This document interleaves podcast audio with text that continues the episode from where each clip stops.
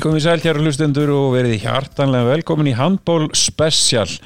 Það er engin smá eh, þáttur hjá okkur í dag en við erum sjálfsögðu aftur í, og enn og aftur í bóði NetGiro. NetGiro virkar rauninu verið eins og stafrænt kreditkort. Þú notar appi til að vesla og færslutnar safna saman á einn reikning sem heitir greiðslu um mánaðamótin. Einfalt, tægilegt og auðvelt í notkun og við mælum með NetGiro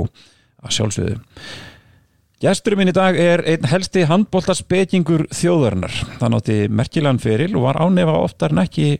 einn af þeim leikmunum sem var í besta forminu í sínu liði. Það er að segja þegar hann var ekki meittur eins og hann var yfirleitt. Hann ólst upp í fimmleikafélagi, reyndi fyrir sér í dansi og mótelfitness og tók svo, að, tók svo að sér að koma liðum eins og káur og fjölinni upp í efstudeld og ég held hann í metið í comeback samningum á sínum ferli.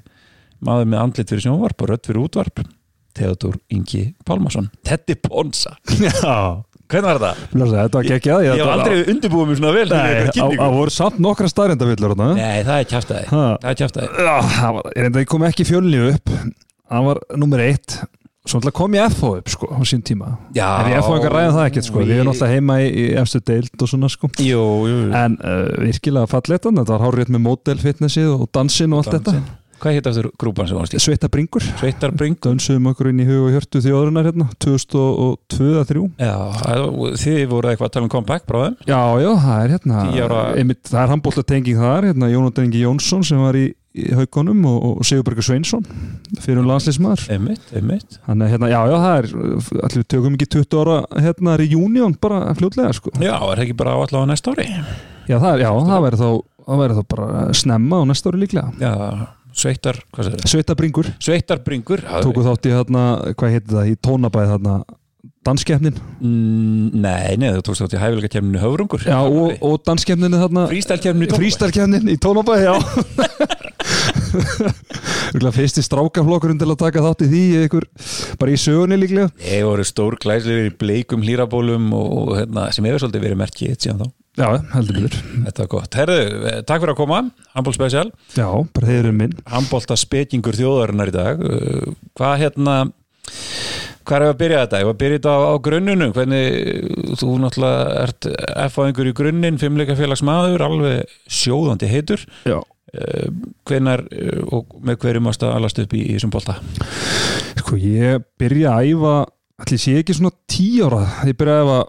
handbólta var alltaf í, í byrjaði fótbóltanum svona 6 ára aldurinn og, og var alltaf sögandi í mömmu um að fá að veri fá að fara í handbólta líka og það tók hérna nokkur ár að fá, fá að æfa tvær íþróttir og það hafðist að lokum og bara, þú veist, var fljótt bara svona frekar góður sko, þú veist þannig að ég var hérna, náttúrulega mjög stór eins og ég hef bara alltaf verið og það, það nýttist, nýttist vel, hann að sko ég er að alast upp með hérna, jafnaldra mínir í FA það er hérna uh, sko við vorum með mjög gott lið í, í sjötaflokki vorum þar bara, heldum, lendi öðru sættu Íslandsmótuna þar, töpum úsletileg fyrir hérna Ír, hann Björgun Holmgeirs og, og þeir allir það var hérna Guðnumar Kristinsson sem að var nú í FA og, og hérna Afturöldingu? afturöldingu og IR og, og, og svona var, var mjög öfnilegur leikmaður og bara fýtt leikmaður í afstild og, en svo Styrmi Sigursson hérna Styrmi Snikka sem var með mér í handkastinu sem að fóð náttúrulega leið mest sveikakur svo og fór í stjörnuna og, en svo mistu því miður svolítið mikið að strákum í fótboltan svona í fymtaflokki Já, gáttu lítið eftir það því miður nei. Þetta voru sér helstu og svo sem voru þá hérna árunni yngri það var hérna Bjarni Aron hérna sem að þetta var ekki margir sem skilur sér í mestarflokk Bjarni Aron hérna sem var Em, eh, Þetta fór líka í var í, var í afturöldingu líka og, og, og svo árinu eldri það var náttúrulega Átni Stefán og, og svona, já, það var kannski Það er ekkit alls konar hetjur alls konar hetjur hetjur löngu mann. hornir á sviðinu sko engi sem mann þetta í neinum bara hvað, Já. hvað er Já. þetta eiginlega? einmitt ég manna alltaf sjálfur sko Nei, þetta var hérna þetta er kannski líka þess að þú sagðir, það var rosalega mæ- mikið á þessum tíma eh, sem sagt, þeir sem voru að æfa í, í krikanu þeir fóru meira og minni í fótboltan á þessum tíma Þeir já, voru- þeir voru það var sterkir. eiginlega bara þú veist, þeir sem að gáti eitthvað í, í fótbolta, völdild fótbolta sko svo því hinir fóru bara í handbólta já, þú veist, þetta var eiginlega bara sem, þú veist, ég lásta fyrir ég valdi handbolta það var bara því ég gati ekkit í fótbolta sko það var nú- það var nú ekkit flóknar það sko það var ekki erfitt val Nei, þú ferða hérna og svolítið svona, hvað seg, ég veit ekki hvað orðmar á noti yfir þetta, svolítið, svolítið svona litskruðan fyrir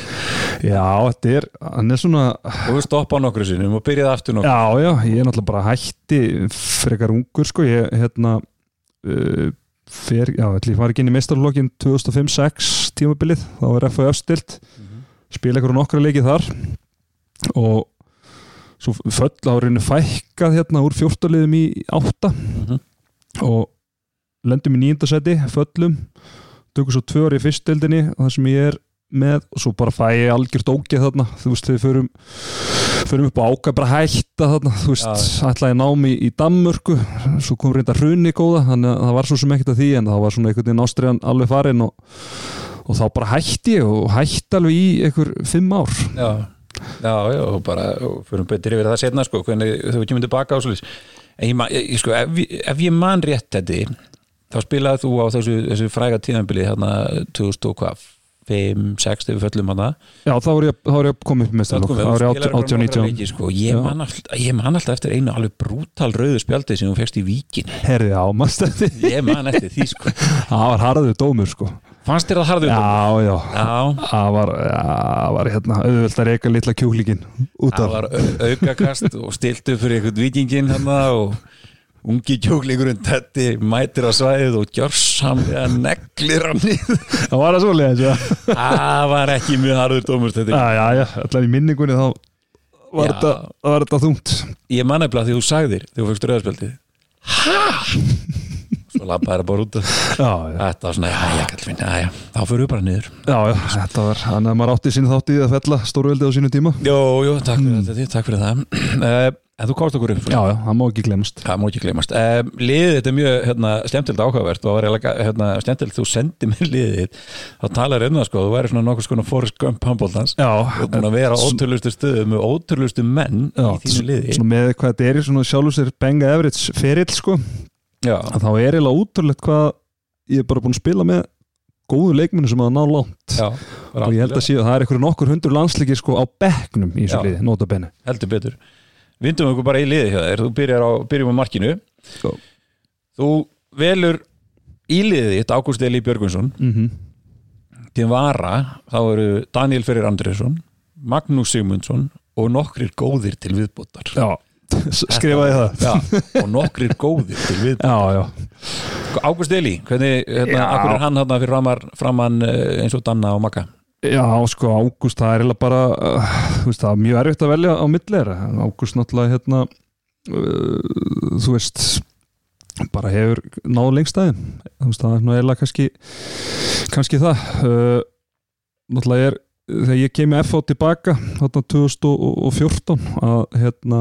þá er hann bara orðin aðalmarknaður Já, bara þá, þá er hann 19 ára gammal og þú veist, eitt mesti sögður sem ég hef aðeins minni kynst svona haugur bara í klefa, ég satt, ég satt í hliðunum í klefunum og ég þurfti að byrja á því að taka hann að mér og hann var svona þannig yfirleitt að hann var með svona hann var yfirleitt svona þvegið á okkur og hann var yfirleitt með svona 45 flíkur svona á, hérna, á snaganum einhvern veginn Já, og svona búið að hijacka allt en, en hann þróskaðist rætt og, og hérna, maður hafði nú sín þátt í áttinu sín þátt í því held ég, að láta, hann- láta hann aðeins heyra það svona og, og bara orðin allt annar, allt annar í dag Já, kallinn og bara þú veist maður týpura og, Já, og, og bara- landslismæður og öllum bakinn sko nákvæmlega, hann, hann Stórmjöldlegu markmaður já, bara þú veist mikil íþróttamaður og æfiði ótrúlega vel og hugsaði vel um sig og bara geggja þær sko Já,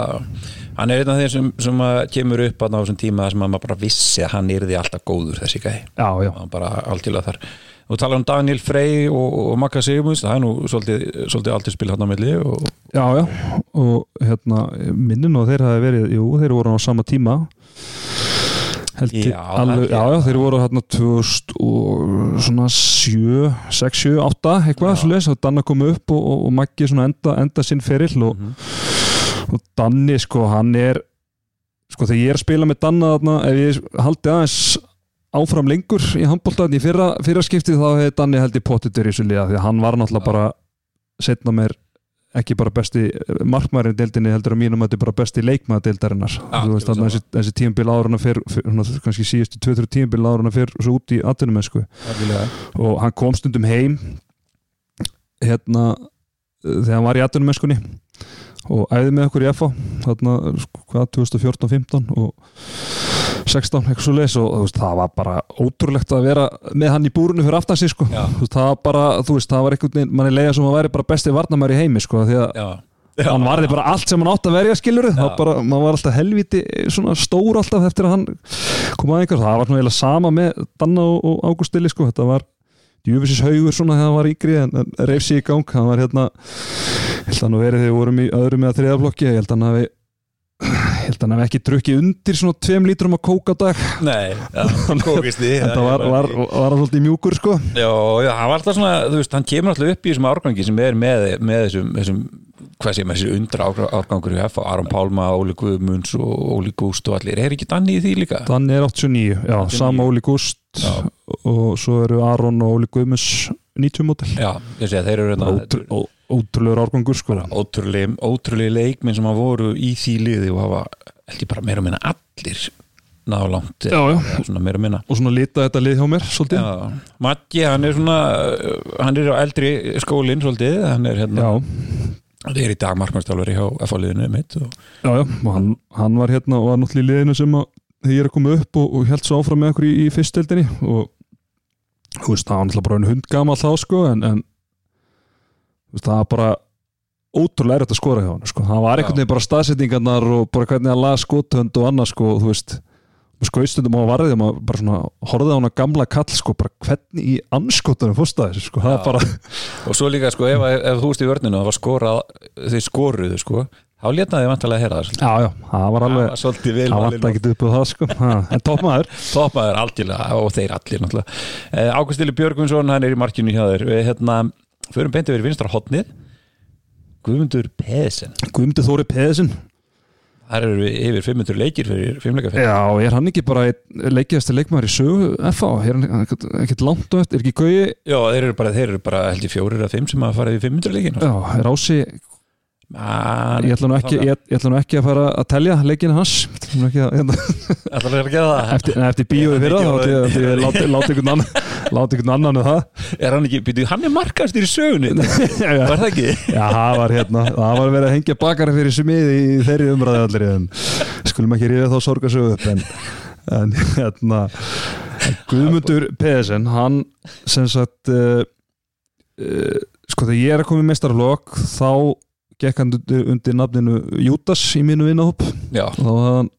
farið í lækin og, og spilaði í rauðu jú, jú í, í Mordor með haugunum í eitthvað tvö tíma bil veist, hann er þá að spila leikin sem fellir okkur 2006 Já, já, í kriganum, Já, já. spila þann leik og, og er svo eitt tíma bil til viðbótar í, í haugunum með að við erum í fyrra árið okkur í fyrstöldin, svo kemur hann tilbaka í rauninni árið tímabili sem við förum upp mm -hmm. og þú veist, þá er hann hvað örugglega 34 ára orðin, hann er ekki 73 mótil Jú. og þú veist, hann var bara styrlaður sko, ég held að hann hafi verið örgulega markaðastur í deildinni sko, eða allavega mjög ofalega sko, á lista þar hann var bara, var það einhvern veginn alltaf svona já, þegar hann var að spila sko, hann var alltaf fyrstu fram fekk alltaf sendingarnar frá og, og í raunveru það finnst mér verið að sko, breyk þrúið hans var fannst mér fyrst og fremst eða sjúkjum líir í markinu já, já það var það bara, var bara, tjúm, það var bara flugstjeti hérna bara beint í lúkunar og gumma sko. Gummi Ben kallar þetta skortýr, svona menn já, að hann bara elskaði að skora og bara nærðist á mörgum sko, útrúlega markagráður og bara heimta alltaf að taka vítinn og, og svona sko, já, bara já, já. geggjaður hóna maður og náttúrulega þú veist þegar hann fer hérna yfir, yfir lækin yfir í haugana það það náttúrulega var ekki hans val að að fara frá F á þeim tíma, við skulum hafa það alveg á hreinu, að hérna, já, það var svoleiðis, það var eitthvað ekki, það fór ekki vel hann á milli einhverja, einhverja manna og, Mm. nei en, en Guðmundur Pedersen alveg klárlega eitt að bara handbólta legendum F á fimmleika félagsins og já, já, já, það er svo margir sem muni eftir hún kannski fyrir sjálfsmarki fræga sko, en, en, en hérna uh, þú veist bara geggjaðileg maður byrjuð sjálfsmarkin Já, það er bara að turka át um minninu ég hef búin að þurka svolítið slitt út um minninu hjá Já. fimmleika félaginu en bara ef að fólk er að hlusta og hérna, ætla eitthvað hu- hu- spyrja út í þetta þá hérna var, þetta ekki, var ekki F að einu yfir Já, það var jafnum, að jafnaði fyrir Já, þetta hauka var, Þannig að það var einu yfir á móti haugum og haukar í sókn og þeir taka innkast held ég. Já, svona Frekar reyna haugum. sirkus hann blakar honum yfir, var ekki Maggi átna Jó, í jú, markinu Maggi Árna í markinu Já, og hérna hann ætlaði nú bara að slá hann út af en lakar hann svona glæsilega inn í marki Já, já, það gaf fyrir heitt að þessu síða kom en það var farin að skora fyrir haugana setna Æja, jöfull á hann eftir að taka í þig núna Það sé- Nei, en hann allavega fallegt hann á enda fyrirlin í, í kriganum Þetta er fyrir henni krikar en ég er bara algjört, eh, eins og ég segi, algjört góðsögn í, í kaplakrika og er nú einn af núliti þjálfurum mestalús hvenna hjá, Já. þannig að hérna, en þú setur líka vinstra hodni Val Arnason Já, sko Valur, hann var nú hérna það bara var svo mikið af skittum ég er svona þegar ég horfi yfir þetta það er kannski svona veikustu stöðuna sem ég sp- eða svona kannski minnsta úrvalega góða leikmenn sem ég spila með er kannski í hodnunum sko þegar maður Já. svona horfir yfir, horfir yfir ferilinn sko Já. og, og Valur spilaði stundum í hodninu þannig ég hef hann þarna til vara mm -hmm. og líka bara ég vil hafa hann í liðinu sko, hann var náttúrulega bara geggjaður sko, hann er í FH náttúrulega þegar ég er að koma koma upp hvort hann, hvort hann hafi ekki verið svolítið í hotninu það tímabil af því að gummi var náttúrulega farin í haugana þeir Já, eru í en- efstu dild En var samt ekki Valur þá bara orðin algjör leitói bara á miðjunni og sem skita hvernig var hann ekki í hotninu það tíma er ég, er ég í ruglinu þarna Já, var þetta ekki Já, hann allan hefur spi- spilað hotn allan eitthvað í sínu ferli en af því þegar, þegar við föllum svo þá fer hann fyrir utan sko Já, Þú veistu bara að tala óþægilega mikið um þetta fallana Já Já, þetta eru menninni sem að hérna, tengist því, ég valur hérna, ég held að sé að gammal og og gummi Já, það er nú sem betur- sem betur stað náttúrulega bara mikill F á fjölskyldu og, og hérna, hann var alveg styrlaður sko, þú veist það sem ég hans bara svo virðingavert við val var það að þegar við föllum fyrirgeðu, ég sé alltaf að minnast á það þarna 2006 Komin að þetta minn og þá að þá í rauninni fara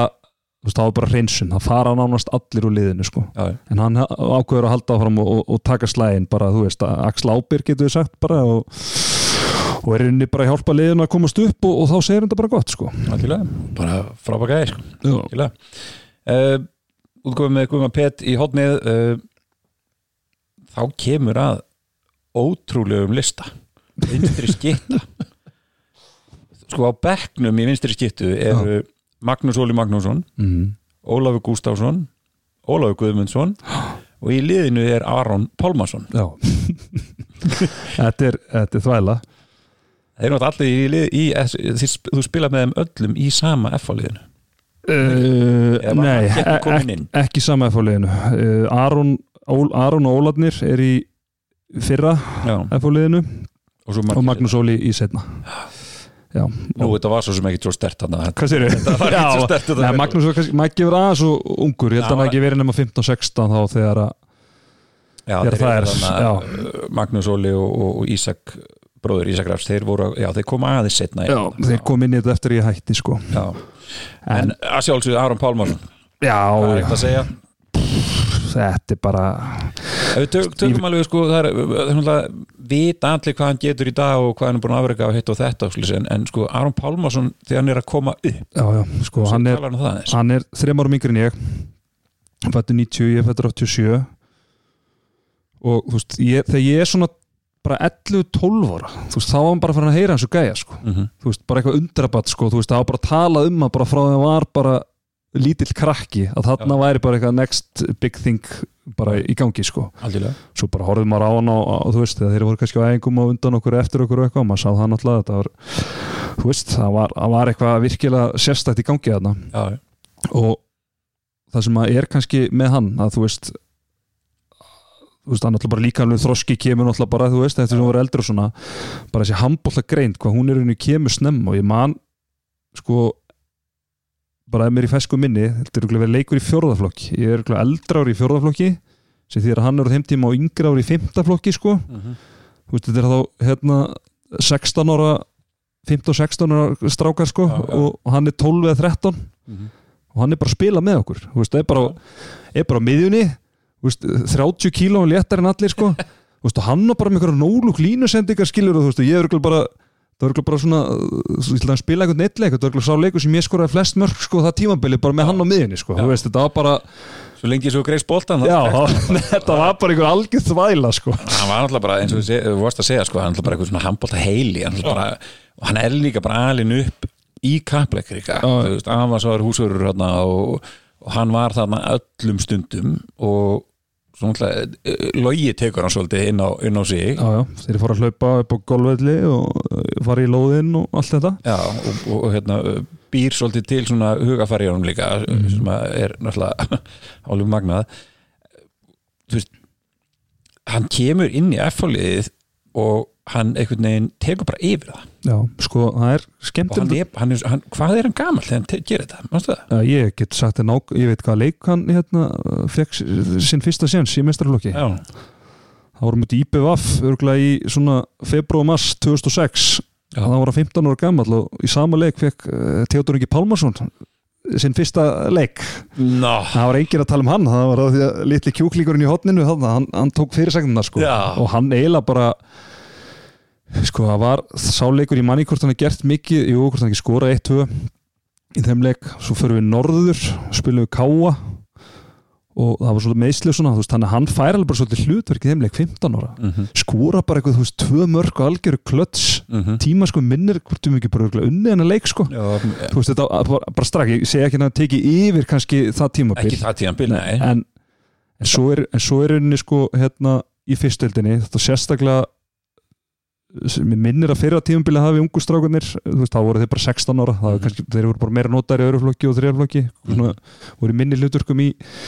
í hérna í fyrstöldinni, en tímabilið sem við förum upp þá var hann hvað 17-18 ára, þá var hann bara besti leikmað deildarina sko Bara- og var, og var auðvitað valið það, ef, ef mann rétt sko alveg pottet sko og, hérna, og, og þá er hann bara orðinn algjör stjarnar í F-fóliðinu og, og farin að kroppi í það bara að komast í einhverja landslýshópa, jafnvel sko, Já. eða svona úrtakshópa og hitt og þetta og svo alltaf vita allir söguna hann bara komið til kíl og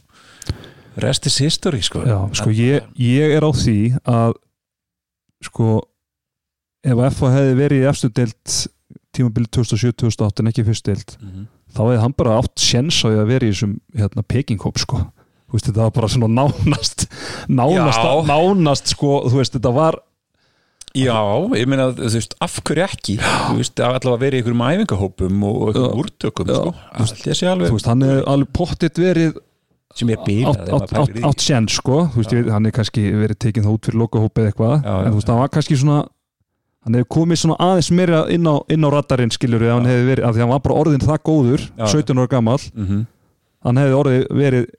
eitt besti leikmaður efstu deildar þá sem hann var svo bara árið eftir skilur við, átt en hefði alveg getað náðið þá sko Já, þetta er alveg bara fyrir okkur ef einhvern að eiga svona gæja Þetta er algjör Já, fórn. en sko bara með hann ég sko þú veist, hann er náttúrulega geggjaðan feril og bara, þú veist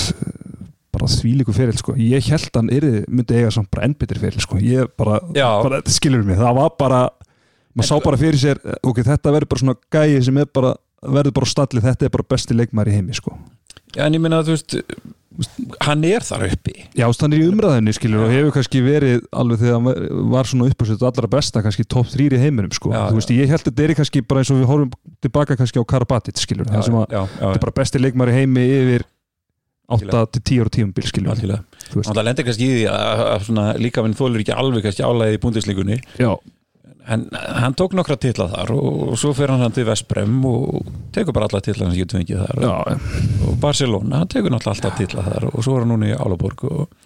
hann er að fara að taka titla þar sko. já, já, og svo náttúrulega bara, þú veist, maður fór, maður farið tvisar og hérna Final Four og þú veist, þá sér maður nást og hann var að spila í bæði skiptin fyrir, ári með, fyrir að skipti með Vesprem og hitt með Barcelona og, og bara sjá hann skilur á þessu sviði, þú veist, þá þá er maður bara, heyrðu, hann er bara bara í öll skiptin bara, heyrðu, þetta er besti maðurinn á vellinu, sko þetta er bara þvæla, sko Ég held að hefði sko, ég held að hefði séð snabbt þetta er hann á Final Four, þú varst með einhverju, einhverjum trölli sem eru hérna úr hann húnum líka Já, jú, jú, Ísak, Ísak Rafsinni og, og mér, mér minnir að það hafi verið sko þegar að það var hann í Vestbrem Já, Ekki? já. Jú. þá hérna þeir að fara í rútuna eða eitthvað og Ísak er að taka snapp eitthvað svona og þú segir I played with this guy I played with him Þú veist að tala um einhvern útlending já, já Bendir Aron Pálmarsson, svo snýr Ararsson Nei, plasaður Já, já, það var hérna þeim fannst það ekkit eðlilega merkilegt að maður hafi spilað með honum, sko það, það líka að ég var farin að skrifa hérna áritanir hann fyrir að spila með honum. Nei, þetta er sér ágætt að við tölum ekki meira um þessi snabbt sem að Nei, nei, það voru, það voru komnar nokkri einingar í blóðið þarna Já, tvær, þrjár Uh, Ólaf Guðmundsson, Ólaf Gústafsson Já, þú veist, þeir náttúrulega bara báðir þú veist, er að koma inn í, inn í lið á sama tíma, þú veist, Óli Gúst er, svo byrja eitthvað skæðan svo honum þú veist, hann var alveg svona, það er svona eins með hann, hann bara svona skitta gamla skólan bara, þú veist ótrúlega góður og hann var svona hann er náð miklu lengra að ekki verið fyrir meðsli hann bara hefur verið að dílaði meðsli bara síðan hann var Ég bara alltaf bara úlingur sko Já. þú veist, og því svona hömlega honum svolítið en samt, ég minna á hann bara frábæran frábæran feril sko uh, Óli Guðmus er svolítið svona En sko Óli Gúst, sko, það gleymir stundum sko, þegar Óli Gúst fer út frá Já, FH já. fer svona óvænt, það verður einhver meðisli í Flensborg Já. og eh, Flensburg, Burg, ekki í skólanum en hérna hann fengið út og hann verður bara Evrópumistari með Flensborg, mm það gleymir stundum mjög henni, Já. hann Hann var er með- Evrópumistari annar medalju hann var Evrópumistari til sko. já, já, það er bara að spila ekki mikið en ég menn það skiptir ekki máli það er- medaljan er á, er á hillunni og það var nógu góður til að vera í þessu liði skilur Já, ég var í öðru setju á S-ámótinu í fótbolta sko. ég gæti aldrei raskat sko. ég á hana samt, ég á hana Já. ennþá já, en svo er Óli Guðmunds já,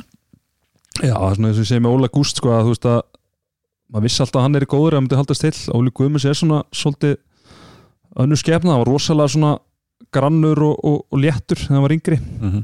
og svo svona þegar það er verið að taka þess að strákunni í meistarflokk þá bara, þú veist, hann er bara í lóðanum á gimminu og hann ætlaði sér þetta svo ógeðslega mikið sko Já, og þú veist bara í svona jamt og þétt bara verður hann bara svolítið kongurinn í þessu liði, þú veist, sérstaklega eftir að Aron fer út sko, hún alltaf bara alveg, og, Eh, eh, st- stóran hluta þegar að hérna, FO verður svo íslensmistari 2011 já, sko alveg klárlega sko. og hérna uh, Óli Guðmunds, þú veist að hann á hann á, hérna, hann á meistarlófsleiki fótbolta og mark Já, þú veist, það var bara svona um vissi, það var svona einmitt alltaf umræðan sko, er hann að fara að velja handbóltan og fótboltan, mér minnir á tímabili hafi svona einhverju tímapunkti fótboltin verið svolítið ofan á sko já, það var, það var þessi tíðanblið þegar hann skoraði markið það var reyndar á móti KF Nörd en hérna, Já, en það var alltaf það telur það telur Já. En það var alltaf, ég man eftir, því, það var svona að vera að tóa mikið í hann sko og, og það var líka tóga, tóga fótbollin var að tóga í Aron sko, Hann bara Já, frábæð já. markmaður hann og hérna Aron alltaf verið frábæð sko, Björn, bara í sko. Björn, skíðastökk Björn Daniel fótboltinn bara, þú veist, hann ætlaði að velja handbólta, Akkurat, hann hefur orðið frábær sérstaklega líka já, með hvað er búið tóknurunum sko, já, já hann hefur orðið frábær Já. handbóltamæður sko Ég er bara með þetta verið í handbóltanum sko Já, ég, er svona, ég er ennþá að sirkja hann, þú veist, hann bara geggjaði fyrir FA og náttúrulega unnu titla fyrir okkur og allt það sko í fótboltanum og, og þökkum honum fyrir, fyrir það allt saman en þetta er svona mesta svona, þú veist, bara ef og hefði sko, ég mig langar svo að sjá hvað hefði gest en þið velja handbóltan sko Já, ég segi það, eh, hérna Björn Daniel og, og Sverri Garðs Já. Þetta verið- og Sverri Garðs náttúrulega kom svo bara að spila í handbólta Magnús Óli, hann fara að vera þarna inn í, inn í hópnum Já, Náttúrulega bara stórkurslur handbóltamæður já, já, bara, er svona einhvern veginn bara einhvern veginn á sínum hátindi núna finnst mér einhvern veginn bara já, hann, en þannig séð, veist, hann, er, hann, er, hann skila alltaf sínu ótrúlega kröftugur Já, það sem hann hefur kannski, þú veist, hann er eh, mér í FH hann 2014-15 tímabilið, fer til Svíþjóður í 18 mennsku eftir það og þú veist, hann bara þvílík sprengi honum sko, bara kraftur ógeðslega erfitt að eiga við hann þetta var bara leðalesti gæðin á engum að, að mæta sko, þú veist, hann var ógeðslega mikill skriðtungi og raði og kraftur í honum sko, bara geggjaði skotnendi þú veist, það sem var kannski á þeim tíma var svolítið svona óheflar, hann átti bara svolítið eftir að læra kannski að svona, svona aðeins að að- að temja hana kraft sko og, og þú veist, mér finnst hann að svona ná því í, í dag miklu betur sko, þú veist, það er kannski ástæð fyrir hann er orðin svona miklu heilstiftur og betri leikmaður sko, heldur hann að vera þeim tíma Algjörlega. ég er náttúrulega elst upp í það að, sem sagt, bara, hann og Ísak bróðir náttúrulega eh, jafnaldrar og, og hérna, skóla bekkjavinir, bekkja hérna, félagar og besta vinnir og allt það þeir alastu upp og þá einhvern veginn sko Ísak er þessi svakalega skitta sem hann var í, í þessum yngri flokkum og Magnús Óli miðumæðurinn, svo var þetta að fara að svissast að, að því að Ísak var miklu meiri svona leikstilningur og yfirvögun og eitthvað sliðis,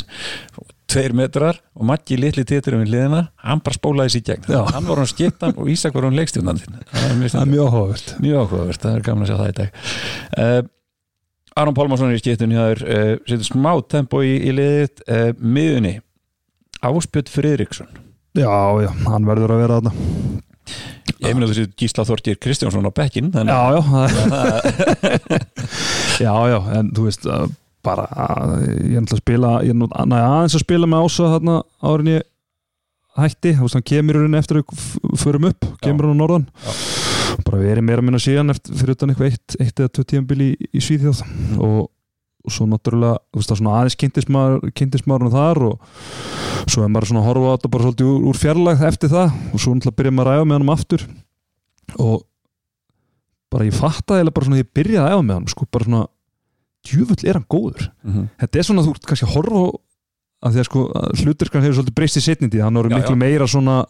þú veist, drifkraftur í, í, í skotum og, og þú veist, og svona leiðandi í markaskorun og annað F-fóliðinu, Já, en það var ekki þannig þegar þú varst með þú veist, þú varst með allar þessar sleggjur með ánum skilju eins og Magnús Óli og Ísak Bróðin og Raggi Jó og, og allt Mhm. þetta, það var miklu meira bara svona setubleikinn og, og, og allt þannig sko, og hann er stórkostlegur hann 2011 tíðanbilið já, já, mistarar sko já hann hann er alveg stórkostlegur á því tíðanbili það er var engin ekki svolítið í hægri skittunni já, svolítið í hægri stíðinu og, og, og bara einhvern veginn bara í í allra kvikinda líki sko Já, já. Fannst, finnst mér, ég sko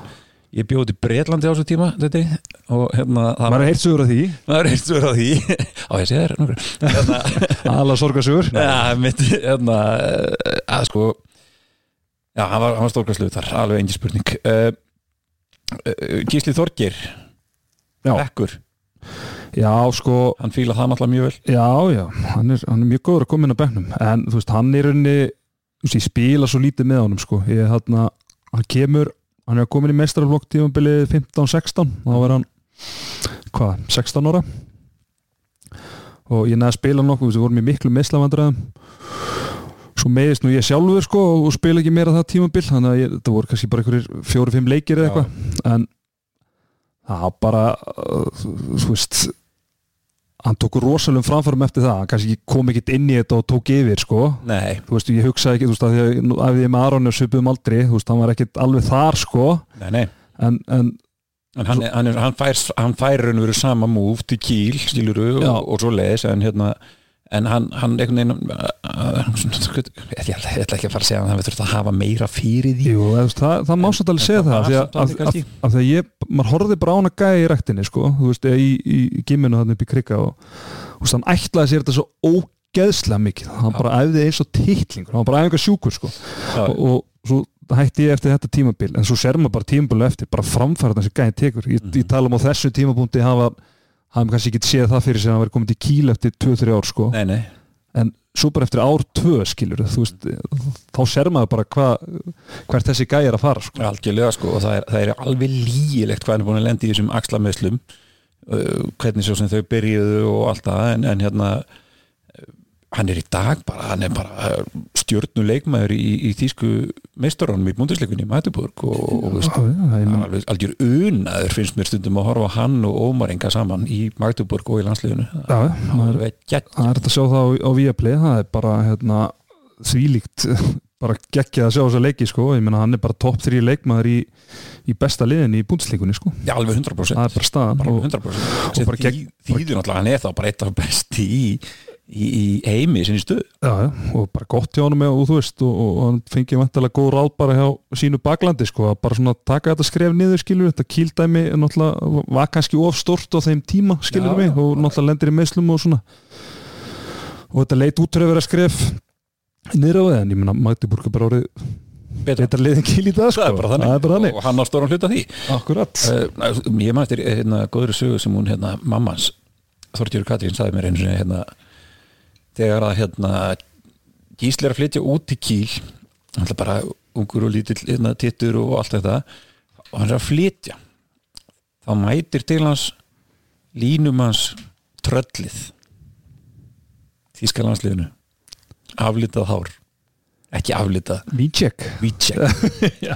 mætir hann og hjálpar Gísla að flytja Já, ok og maður var búin að svoleiðis algjörlega fyrirlítið annan mann, við bara ég þóldi ekki gæjan sko, bara þóldi ekki mannin sko svo getum við voru að horfa á landsleik upp í Kaplakaríka og hún þortir upp fyrir að segja okkur frá þessu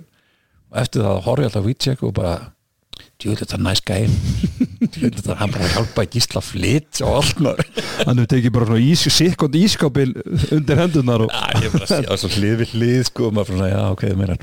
Herri, já, já, já, gíslið þorgið fyrir á- á, hérna að miðina Ég meina, aðeins að taka inn á því þú ert búin að tala mikið um sko e, þetta blæsa að fall og allt það og svo þegar þú missir ákveðin og handbolta og svo hérna ferðu og byrjar aftur Mhm. e, þú, by- hvernig leta okkur aðeins í gegnum það sko, þegar þú byrjar aftur þú ferð að spila með IH, Mhm. stórveldinu í Hafnafyrði, hið eina sanna stórveldi Já, uh, og kemur svo aftur í FH og, og er raun og veru svona bara nærðu þessu, ég ætla ekki að segja fullkomna comebacki, en samt félur eru komin aftur í efstu deild og, og efsta flokk Já, ég lít eiginlega bara á þetta sem ég fullkomna comeback sko, af því að í rauninni ég hætti eins og þú segir þú veist kannski, já, ég er hvað 21 og kannski aldrei búin að fá svona almennilega spil í eftir delt sko og þú veist og það var bara rétt ákvörðun á þeim tíma, maður bara menta sig og bara hafði engan á á þessu lengur sko og þá er ekki dviti að vera eitthvað að hjakkast í þessu og, og ég bara missi það mikið náhuga á handbólta, ég er svona eiginlega er ekkert að fylgjast mikið með dildin hérna heima skilur, maður horfður á landsliðin og eitthvað svona svo bara byrjar þetta hérna íhá ævintýri 2013 og þá var maður bara búin að vera á, á rekt, í rektin á fullu orðin helvíti massaður og maður segir sjálfur frá Þegar vorst í mótilfinninsinu hvað sér ég á Mótilfinninsinu þessu fyrir tíma já, ég var bara komin í miklu betra stand heldur en því ég var að æða handbólta sko. Já. og, og svo hérna byrjar þetta íhátæmi og það er unni bara er, það er bara að stofna lið, haffyringar, ætla að stofna lið í, í fyrsteldinni og mótilið er bara strákar sem að eru hættir í handbólta, hafa ekki tíma þú veist til að vera fimm sinnum í viku þetta er bara tvær æfingar í viku, leikir þetta er bara að vera skemmtlegt og ég bara, já, þetta er bara bara fínt kardió með ræktinni skilur og bara, það var gaman að þessu og Gaman í að, að spila handbóltan Já, Já, nákvæmlega það var og, og þetta var bara ógeðislega skemmtilegt förum hérna mann ég vendur bara með að deild skilur við bara fullt af hérna lendum í tveim leikjum mann ég að móti afturheldingu sem við töpum báð með einu og sko það lið bara sama lið fyrir svo upp í efstu deild árið eftir og, og, og tapar og fer í úslita einví sko, Já. þú veist, það var alveg bara við vorum bara flott lið Það hefur oft verið talað um eins og ég meina að menn hlæja kannski að þessu íhá batterið sem að þegar það var sko og mm hlóaði bara "Æ, íhá, ekki var íhá, ekki var íhá Þið voru bara helviti góðir Já, ég meina, við förum í hérna, lendum, spilum FH í byggandum og bara velkjum þeim undir uggum bara í 40-45 mínúti, ég held að það bara verið jafnt eða kortir eftir, sko Já, já. svo aðeins meira á táknum til nokkin, endaðu í tíu mörgum eða Voru að eitthvað taka nokkur Já, já, en það það var jafnt eða kortir eftir sko. Já, já, það er- Þannig að það- það var bara frábært og svo bara hérna, eh, reynir mér segja Einar Andri að fá mig í FH bara um áramótin já, þá hérna sleitt Siggi línumæður crossbund mitt eða crossband og, og allar að fá mig þú veist, bara inn í það og það alveg fristaði því líkt sko og ég fann alveg það svona, mér langaði að fara í afstild en ég er svona ákvað að klára frekar bara tímbilið mig hjá, ég var hann fyrirlið og svona sko, þannig að ég vildi ekki hoppa frá, frá því sko og ég held að það hefur verið rétt ákvörun af því að ég held að Siggi hefur svo náð náð sér heilu fyrir úrslitakefna, þannig ég hef sennilega Já. bara setið hana sko Bara setið upp Já. En já, en það verður þá til þess að hérna, uh, ég fæ, fæ vanta svo línum hans uh, árið eftir, Já. eða sumar eftir og ég fer þá að æfa með þeim og Hvað er þetta, 2000 og á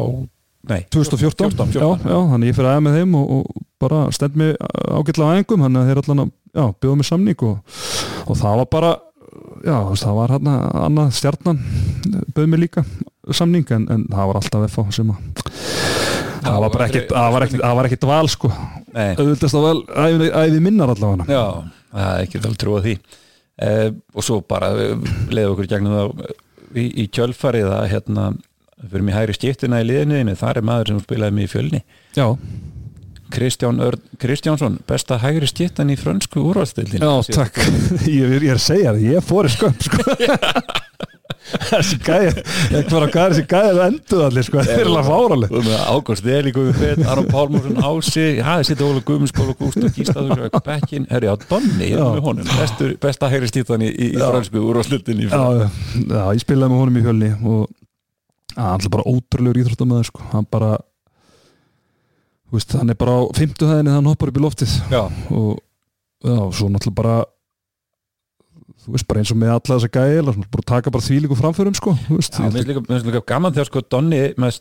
þegar ég tek eftir honum fyrst í fjölni og, og það er eitthvað að vera að tala um hann og hitt og þetta og maður er bara svona já, ætla að verða eitthvað úr hún, Já. ætla að verða eitthvað úr hún mm -hmm. og hérna, þú, þið voru hérna þú, Andri Berg og, og fleiri hérna í hérna, svona, gauðra sem að þekkti í þessu fjölnisliði það var alltaf, já, þessi, þessi er góður þessi er góður, svo tekur hann þetta bara geggjaða múf að fara til Vestmanna Mm -hmm. og svo tekur hann bara, næst- þetta er svo, svo mikið sko lókiskur tröppugangur í honum Já, þetta er svona hálf atunum að skal fara til lípið þú ert bæði bara, þú hækkar aðeins í launum og, og hérna bara svona prófar að búa ekki heima þau sko Já. Þú Þú veist, þetta er svona þetta er og svona- leipur ekkert svo öllu heim heldur. Nei, nokkulega, Hérna, sko. en svo fer hann bara beint út og er bara búin að standa þess alveg stórkostlega og, og er í dag bara eitt svo besti í fransku deildinni Já, kemst þetta ekki í landsliðið Nei, sem Það að það er, er, það er önnur, önnur umræða bara já, mér finnst það bara magnað það er ótrúlega, ég myndi alltaf hafa hann eh, hvern, hvernig vissur, þú veist, á þessum tíma þú veist, hvernig típa er Donni þú veist, maður einhvern veginn þekkir hann ekkert svona Nei, hann er mjög svona rólegur hlitraður náungi sko bara, þú veist, góðu strákur skilur en hann er svona sem ég segja, hann er svona mjög bara rólegur og, og, og svona, hann fer ekkert mikið fyrir honum skilur mm þú veist, þetta er ekkert eitthvað röddin í klefanum eða allan var það ekki á þeim tíma þegar ég var allan skilur en bara, bara hæfileikar og bara, þú veist, vinnusemi og, og allt, allt þetta sko bara, hann á hérna, þér mikið að þakka hvað segir hann á þér mikið að þakka Já, ég var ekki bara það er þú situr svo ykkar tó hérna, þú situr Raka Jó Já, á bekkinn Raggi, já, hann ég náði nú ekki nema hálfu ári með honum hann fer hann út uh, mjólin hann, 14-15 tímbilið já, þú veist, hann er bara þú veist, ótrúlega góð leikmaður en þetta er, var ekki nóg góður að spila með línu það er svona eina Sér, það var hans helsti löstur sem leikmaður en þetta er svona örgla þetta er svona sá leikmaður sem að ég svona spila með á móti að hann er svona st miklu sterkar en að lítur út fyrir að vera já skilurðu mig. svona náttúrulegu styrkur í honum svo harður allir þú, svona, þegar hann, þú, veist, þú lendir á honum með eitthvað þetta er allt svo hart eitthvað já, og líka Vont. bara Ma- maður hugsar oft sko eins og hann getur bara ekki hreift sig og hann er sko allir, allir öxlin og allir fjandin allt í rústu og allt svo styrt einhvern veginn já, eins og bara neglar hann á markið og þú bara þú fyrir frá sko já, já, hann er frábær Spila hann bara ramstæðna eftir sko já, bara rafstæð, geggi típa líka sko, hann er alveg hérna þungar okkar er döðan sko, ég held hann að vera nú í eh, hvað hétt, hljó- hann var nú í einhverju hljómsvitt já, hvað hétt hann, Sónur Satans Já, eða eitthvað djöfuð, það var eitthvað, eitthvað, eitthvað algjör þvæla sko tala um bara eitthvað já, já, þetta- þetta þetta var eitthvað svo leiði sko herri Jón Helgi Jónsson, hann kjæst á bekkinu Já, ég varði eiginlega að hafa hann hann sko. Þú veist, það er svona, eh, hv- svona hvað ef gaur sko. bara fyrir þá sem ekki vita þá er það leikmaður sem að uh, var í FO og hann var nú alveg nokkur ári í meistarflokki Já, kemur ungur ég í man meistarflokk en þurfti samt að hætta snemma út af meislum og var- og þú náttúrulega þekkir hann kannski já, já, betur, var þetta ekki algjör barnastjarna? Jó, sko, hann var bara svo snemma lendur í meðslum Já, það var einhvern veginn svona, það var svo háðanum alltaf alveg sko alveg eins og þú sagðir sko, bara hvað ef og ef og hefði og allt þetta með hann sko, að hann var svo snemma orðin háður, eða háður hérna, hann var svo snemma orðin mittur mm. að hann maður einhvern veginn svona ég veit ekki hvernig maður að segja það hann bara hann, hann fættist mittur bara já, heldur, og, en þegar hann spilaði það er ótrúlega hefilegar já, ég meina ótrúlegar, Þetta er svona, fyrir utan Aron uh, svona sá leikmann sem er mesta leikskilning sem að ég hef spilað Já. með Þú veist, það, það voru þú veist, stundum kannski bara leikir í öðru flokki eða eitthvað og, hann var svona svo ómar yngi Já, einmitt, það var bara maður að segja það Já, það er bara mjög góð hérna, þú veist, þetta var kannski ekki drosalega að- gerist ekki drosalega hratt en hann einhvern veginn bara sá hérna, sá allt gerast einhvern veginn sekund og undan öllum öðrum sko. Já, já, svo gæti hann skotið og Já. allir fjöndin sko Já, já, þú veist, maður var bara með næringi æð á línni sko þegar maður var að spila með hann sko. það var bara, hann sturdlar að vinna þú veist, það var, ég man einhvern tímann bilum við leiki á öðru flokki og ég átti alveg mjög góð leik, þú veist, bara, ég man ekki skora örgleikur sjóta mörg og fiska annað eins að vítum sko, bara Já. átti einhvern bara sturdlaða leik sko, ég held að hann hafi átt allar sendingarnar Já, svo er það með Hanni sem að hann var alveg uppgóður í fótbolta sko Herðu, Donni, fjölinismæðurinn Já, hann fyrir hægri stítu fyrir þetta má gefur og FH hérna Nei, nei, tökum þó bara hérna bestu hægri stítunni í rangandi Já. Hægra hotnið, það kemur nú káa maður Hakim Kámaðurinn, eða Haukarinn Haukarinn, Já. framarinn Framarinn F-angurinn, Einar Rafn Eðsson Já, ég set hann í hotnið hann reyndar, hérna, hann var reyndar í, í skittunni þegar við spilaðum saman en Mhm. náttúrulega var í, var í hotninu þar áður og hann kemur hérna uh, kemur 2000, hann náttúrulega var alltaf í FH við spilaðum ekki saman þá, hann fer út í eitt tímabil sennilega Já, til Norex, okkur tímabil sem ég er að koma og svo kemur hann í rauninni tilbaka 2015 já, og er þá bara s- gerður að skittu já, bara vantaði Vantaði hægri skyttu skyttu. og Hann settur á, já heldur betur múin að standa sér þar Já,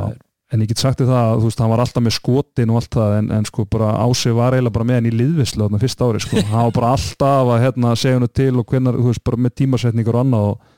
og það var bara fáralegt hvað hann var samt fljótur að sko bara konverta sér yfir í bara bestu hæriskitun í deildin sko. Sko, ég held að sko að því að Einar, Einar Rafni er náttúrulega sko, hann er ekki vinsælsti maðurinn hjá sem sagt anstæðingum Nei, hann er auðvitað sá sem að hérna voruð þið ekki að tala um þetta í hérna handkastunum ætlum að búið til topp top 5 lista yfir sko mestu svona, mestu svona rævalri hjá einarrafni já, það er bara einhver einasta liði einhver sem bara, já, helvíti, hann Einar hérna. Já. og sko áhörundur alltaf að taka nú sambandi og hitt og þetta eitthvað leis mér finnst það samt alltaf bara einhvern veginn það er eitt og eitt lið sem að hefur hann í vasanum Já, en annars er hann bara, já, hann er bara ég kalla hann, ég kalla hann stundum einarrafn Reyðisson, hann var alltaf svo reyður sko hann var rosalega, hann er rosalega reyðum já. en ég held bara að hann fungir ekki nema hann sé bara með allt á hotnum sér sko Þú veist, það þarf bara að vera pyrrar og reyður skilur þú veist, þá vera hann langt bestir sko Já, hann- þá, þá fer hann í eitthvað svona pocket mode já, og þá stoppar hann ekkert já, alveg sammála því uh, þú ert með, hérna, byrjum á ann- einum af bæknum hér, það er hægri hotnaðumar í val í dag já, Bergur Elí Rúnar. ég var að hafa minn mann þarna við náttúrulega vorum hérna, ég fórum það var svona pakkadýl, ég hann og Andri Berg já, já, fóruð í öll liðið þarna. fórum hérna, já, hann var svona aðeins í kringum meistarlokkin í hérna ég fá þegar ég er að koma upp og eða, þegar hérna, ég er þar, hann er að koma upp og svo kemur hann, fer hann með okkur andra í káur og var bara frábær þar og, og fer svo í, í fjölni og, og þetta er bara minn allra besti félagi úr, úr boltanum sko já, tökum aðeins káur tíman Toddrykkur. en að þið farið þangað já, hvað, hérna, ég get alveg við ekki um það ég sá Tetta, Andraberg og Bergel í, í káurbúning mm þetta er ekki tvoðalega fallett en á skrítið Mhm. það var skrítið já, en þið náðu heldur byrður árangrið þið farið upp um deild, já, svo er bara handbóltið laðið niður í káur já, já það- Hvernig var þetta káur tímabil? þetta var bara þetta er skemmtilegst tímbil sem að ég spilaði held ég sko Já. það var, það var svo, það var svo skríti sko, af því að ég náttúrulega hætti hérna í FH og ætlaði bara að hætta í handbólta í ennett skipti og þú veist, var hérna bara, það var bara mikið, þú veist, var að fara hérna í löggildingaprófi endurskoðunni og allt þetta og bara, svona sá bara fram á að hérna, að hafa bara engan tími í þetta svo náttúrulega gerist eins og allir aðri góðu hlutir að þá hitti ég fyrirlega lesins á þjóðatíð og hann Þóri Jökull heitir hann og hann fyrir að segja mér aðeins frá þessu og, og ég svona, já, þetta er auðvitað bara helviti gaman, bara svona bumbufílingur og eitthvað durlu og ég bara, já, segðu bara Gústi Jón alltaf þjála, bara segðu Gústa bara heyri mér og, og hann bara fer á þeirri dyrum og segir við Gústa eh, hérna hann Jú, hitt bara mér á þjóðtíð og, og, og Gústi heyri í mér og, og hérna Þið voru bara sapn í lið Já, já, og bara, ég, veist, ég var samt alltaf, maður var alltaf bara með þetta svona, þú veist, hérna, bumbubólta feeling, bara hafa gaman að þessu og eitthvað og, og svo bara, já, þetta var alltaf algjör þvæla þegar maður mætti hann, en svo bara var Gústi bara með söpun og lofti og svo bara, þú veist, urðuðu bara alltaf betri og betri og betri og bara svona þegar það voru, þú veist, voru kannski búin að spila fjórum leiki, bara, heyrðu, við erum bara með nóg gott lið til að fara upp, sko Já, og þá breytti svolítið svona, þú veist, það var alltaf léttleikin, sko, en þá fór maður að taka þetta svona aðeins Meira, já, alvarlegra, sko. já. Og svo Svo bara- farið upp svo bara endum við að fara upp, sko. hvernig, hvernig var stemmingin í, í kárleginu þá þegar þið farið upp og þetta er óvænt að þið farið upp þó að þið Já. hafi verið svona í þá var verið, stíganda- já, það var alltaf verið að fjölga deildinni, hann að fóru þrjúli upp sko Já, en hvernig er þá það var ekki að spá sér stemmingin í fyrirfram sko stemdið og hefði bara haldið áfram í káur og spilaði eftir til aftur já, sko, ég ég var svona ekki alveg að, að nenna þið sko, eða svona, maður var þú veist, ma- maður var svona óvið sko, en á endanum held ég að maður hefði nú alltaf, alltaf tekið slægin sko Já, og þú veist, já, já, svo brenda maður að fara í, í fjölni og spila hvort þið er aftur í östu deild sko, en, en þetta var nú bara alveg leðilegt fyrir eh, hérna, eh, þessu uppeldu káringa sem voru þarna já, það voru svona fjóri-fimm strákar sem voru búin að vera bara í K.R. sko þegar tímabili áður hafði K.R. verið sko langleilegast að leiði deildinni já, skilur við einmitt þeir eitthvað nefnir búin að upplega þetta svo allt í hennu bara heyrðu ég, við erum bara að fara með K.R. hérna í uppbyttisfélaginni í efstu deild sem er ekki verið þar í 20 ár sko og Nei, mér finnst þetta skandall sko já, já, Ég bara fer ekki tóna því, það er bara mitt mátt að því að þetta er aldrei skandall sko. Já, já. Hérna, að- klúbbur sem ætlar að kalla sig eitthvað stóran klúbb úr stó, hérna, stórveldi og hittu þetta sem þeir eru í fótbolta og körubólta og allt þetta en leggur ekki nýður handbóltadeltina loksins þegar það er búið að vinna allas að vinna og koma liðinu upp já, já, þetta var Mér finnst það þetta var skandall, bara lélegt sko, já, já, svo veit maður ekkert hvað gekk á hann baki tjöldin sko, en, en jú ég veit allt um Já. það var alltaf einhvern veginn í hálf hvennu vísum hann en já, já, maður sagði sína skoðun á þessu bara og, og það, þetta er bara, bara, Fá ekki bara ykkur í klub, barnum. klubnum bara til skammar sko, Já, ég er sammála. hvað sem ábyrðin liggur Þetta verður fyrirsögn klubnum til skamar Já. en þið yrðu- verður nú að minnast á eitt mann á hérna eh, sem er á bekknum hjá þér sko, sá verður sáttur að vera á bekknum já, Hjörtur Hinriksson já shit sko, já, hann var sko. þessi bekkur er rosalegur sko. Hjörtur Hinriksson þetta er tjöfull þetta er, er bara einn uppáhalds bara einn minn uppáhalds sko hann, ég spila nú ekki, við spilum nú ekki mikið saman hann hérna eh, er hann er neyri liðinu þegar ég er að koma upp og hann er alltaf bara svo eins mikið ljúflins drengur og þetta er og, og þú veist bara hann rennur ekki í honum blóði sko þegar maður ræði við hann bara á förnum vegi sko að hann er alltaf bara bilaður á æfingum og enn á vellinu sko og þá meinaði ég sko bilaður Já. út í man eitthvað einn á fyrstu æfingunum eitthvað þú veist, það var uppbytunum fótbolta það var örugglega bara önnu þriða æfingin eða eitthvað sem maður mætti á og þú veist, og það er eitthvað svona öxl í öxl og maður nú svolítið stór og sterkur og svona, ég næ svona, þú veist að bara uh, ná boltan maður bara með að taka hann öxl í öxl það var ekki sáttu með það og bara svona þrjast sigur setna setna er ég svolítið sko bombaði niður aftan frá, já, já þú ert ekki að fokki hitti þá var nokka maður sko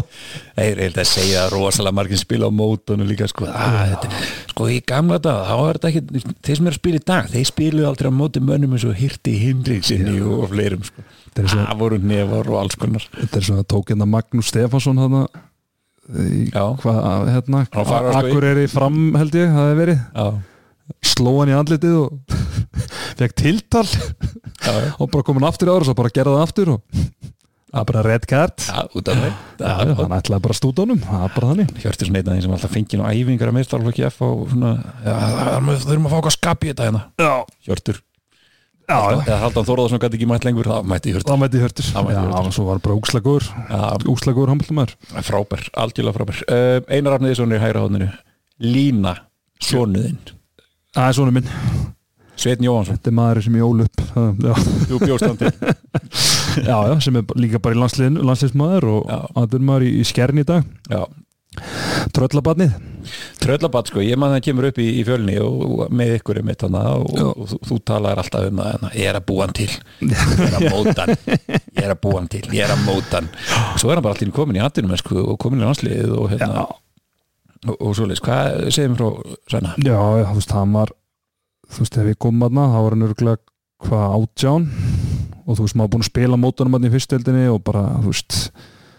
alveg óþólandi gæi að spila á móti sko, bara alltaf á miljón og alltaf að pöngast og böggast og, og þú veist og hann var bara í trastólkinu skilur bara 17 ára hérna, kjúklingur sko, maður Já. bara gæti grjót haltu kjátti sko, Já. þú veist bara hver heldur á sért sko Þú andri Já. en svo hérna, hérna svo bara, hérna, fyrir við náttúrulega endur á að vera liðsvilaðar og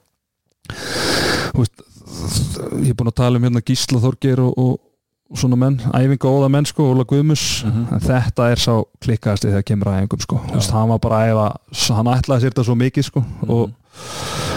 þú veist, hefur sékað en eitthvað nýlega þetta Nei, er bara, ég, ekki, ég er náttúrulega fyrir sko stórmútið hvað í fyrra þegar hann meiðist já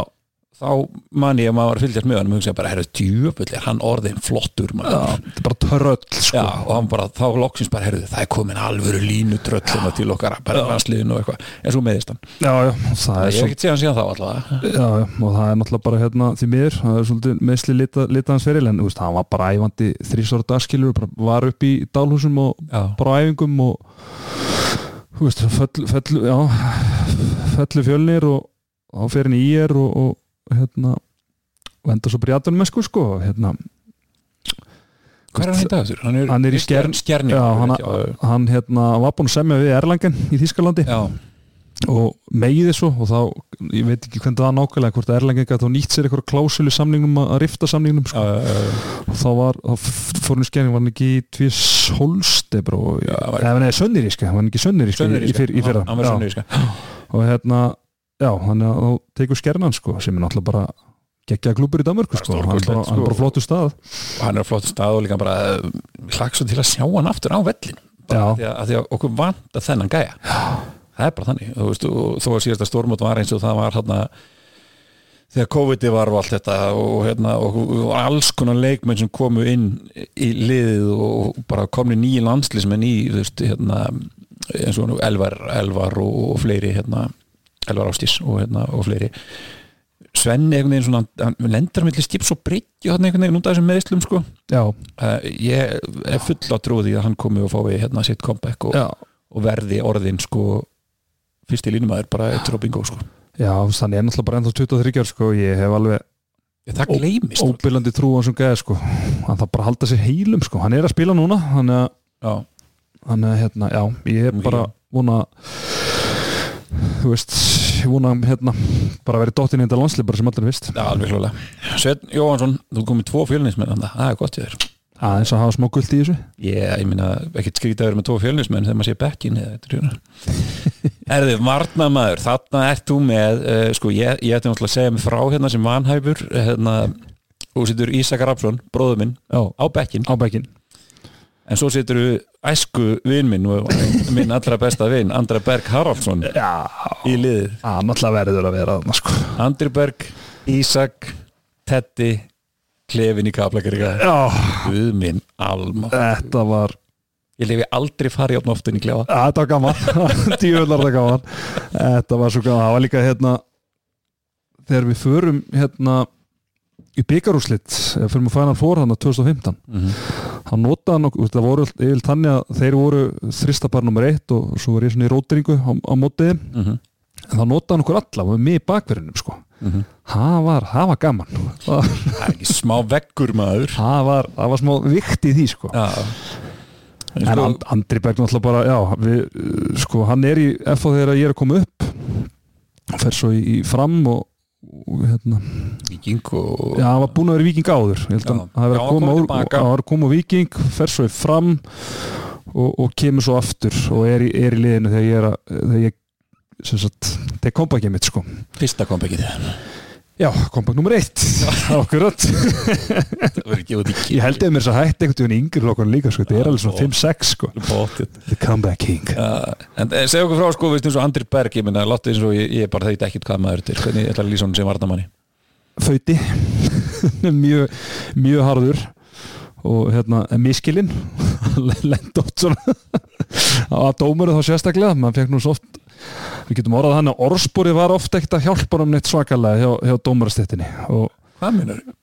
Nei, þú veist, hann bara fekk, fekk oft mjög ósakett á tvær myndur, bara að mínum mati Nei, nei, hann er bara hérna á- bara átti frábæra feril og þvílitt flottu varnamæður og Er á, þetta- á, byrju, ég ætla að leira þetta mig Já. á, hann er ennþá að spila Hann á á frábæra feril Ég hérna mæti lungu hættur alveg allur, allur í hakki, þá var okkar maður bara spriklandi með vikingi í fyrstildinni Það er við erum færtíður næsta ári Já, nákvæmlega Nei, hann er bara, þú veist Nei, Ég er alls sammála með Geggjaður. þetta því hann er hann er geggjað varnamaður, frábær varnamaður hann var líka bara drullu góð skýta Já. á sínum tíma Já, og hérna, þegar við erum að alast upp sko, þá var Andri alltaf sá sem að vissi að er mestrálusleikmaður já, alveg klárlega uh, og hann einhvern veginn svona eins og þú segir, orðspori hjálpaði hann ekki Mhm. en ég held að það líka verið sko, af því að þegar hann, hann tók fast á mönnum og þegar hann all, fór aðeins í visturíkið þá var hann svona langt frá því að vera eitthvað lúmskur við það sko. Já, að hann fór bara nefin í andlitið sko. Já, já. Hérna,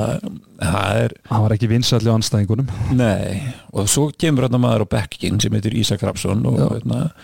hann læriði nú ímislegt á andra berg Jú, jú, og fleirum þeir voru nú flotti, flotti saman aðna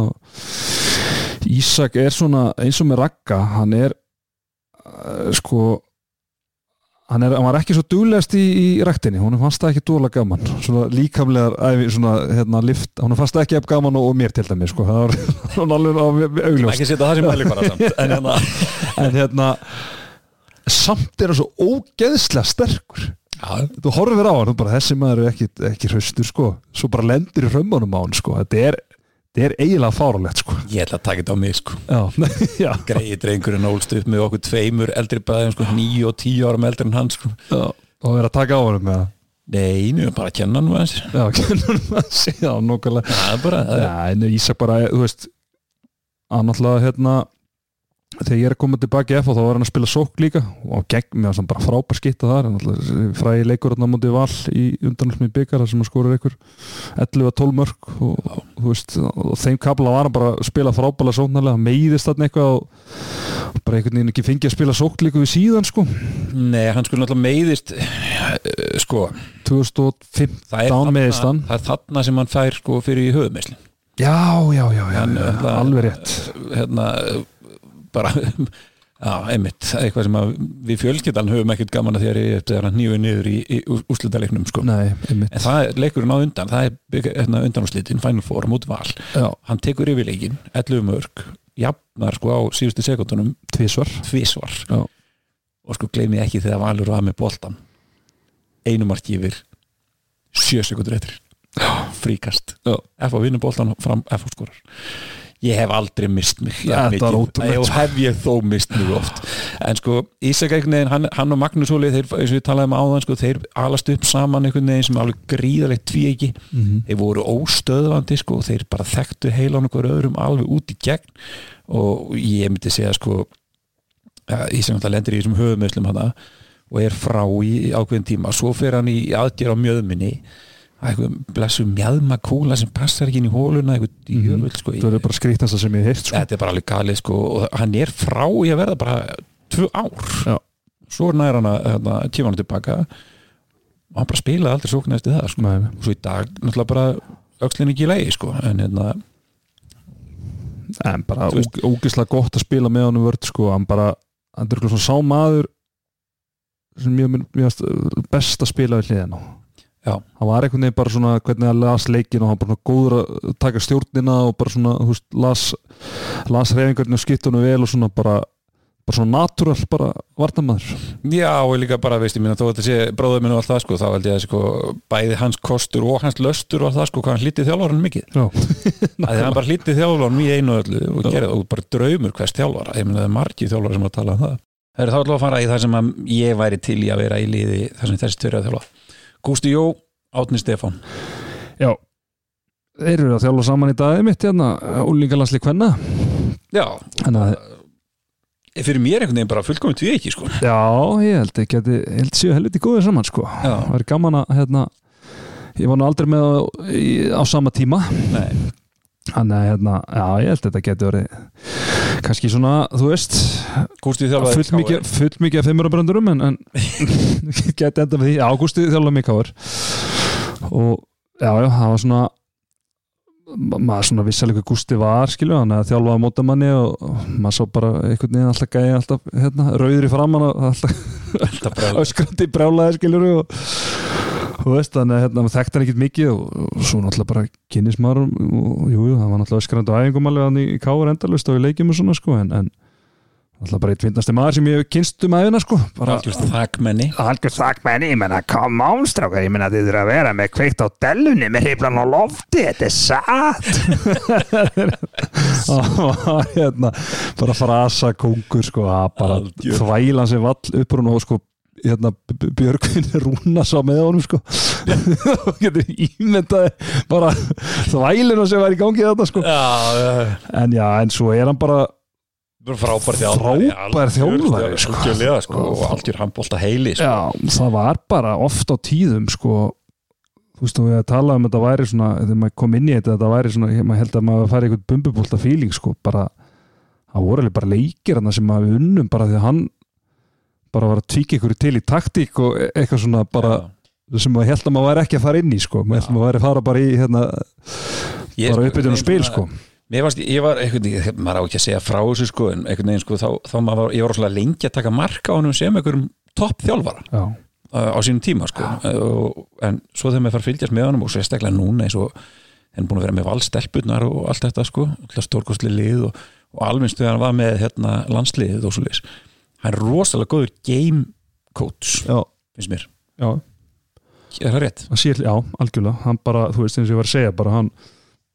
það voru alveg bara eh, leiki sem vorum að vinna bara því að hann í rauninni sér eitthvað, skiluru bara svona litla breytingar, skiluru sem kannski verður til þess að allt smellur og við klára leikin sko, þú Já. veist, að það var alveg svona þú veist, maður var alveg svona já, ég myndi alveg segja að hann væri bara uh, bara á tóttni við þá þjálfari sem ég verið með, jafnvel hvað það var það sko, Já. þú veist, bara hvernig hann sér leikin og bara svona svona handbó, bara handbólta grind og, og leiklestur sko Já, og ef, að, ef að það fyrir allt til helviti þá kemur ákveðin viðreisn í Átnar Stefáni Já, já, ok, við reysnir Já, hann er hérna aðstóðþjálfari og verið það svona mest megnis Já, á sínu ferli sendum hann sendum hann reyndi yfir yllu hugana til að kveiki öllu þar og það tókst vel já þetta var svona ákveðin svona njósnaferð já, Agent Átni eins og við kölluðum hann svona Secret Agent Já, sko, það er hvernig þetta er hann einu megin Já. Það er maður að gera, sko nákvæmlega, Nei, hann hann, er, ég meina, hann var, eh, þeir töluðum það þegar hann var, hann var aðstofþjálfur í Haldur Jóhanni hjá Já. FH og sliðis að hérna að hann er rosa, hann, hann er handbólta heili algjör handbólta heili og bara svona góður í Æ, ég veit ekki hversu mikið ég var hrósunum sko ha, það er svona